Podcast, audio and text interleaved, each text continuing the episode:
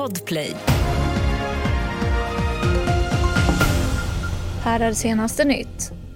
Ett eldupphör mellan Israel och Hamas verkar vara mycket nära nu. Enligt amerikanska medier så finns det redan en preliminär överenskommelse. NBC skriver att 50 kvinnor och barn ska släppas ur Hamas-gisslan samtidigt som Israel ska gå med på ett 4-5 dagars stridspaus och 150 palestinska fångar ska släppas. Allt fler svenskar handlar saker på kredit eller använder delbetalningar.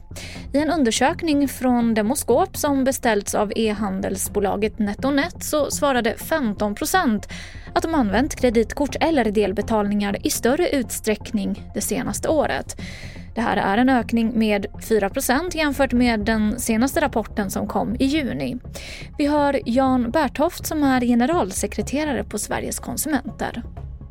Det är allvarligt och det visar ju på att konsumenterna befinner sig i extra tuffa tider just nu. Det är stora risker, om man har dåliga marginaler så är det stora risker med att köpa på kredit eller, eller köpa med delbetalningar. Det finns stora risker att man hamnar i skuldfällan då. Till sist kan vi berätta om en brittisk studie som visar att människor som träffar nära och kära ofta och som deltar i gruppaktiviteter med andra lever längre.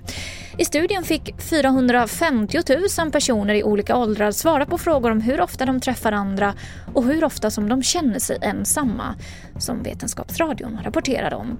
Efter omkring 12 år analyserades svaren och då kom man fram till att de som är socialt isolerade löper större risk att dö i förtid. Mer nyheter på tv4.se. Jag heter Emily Olsson.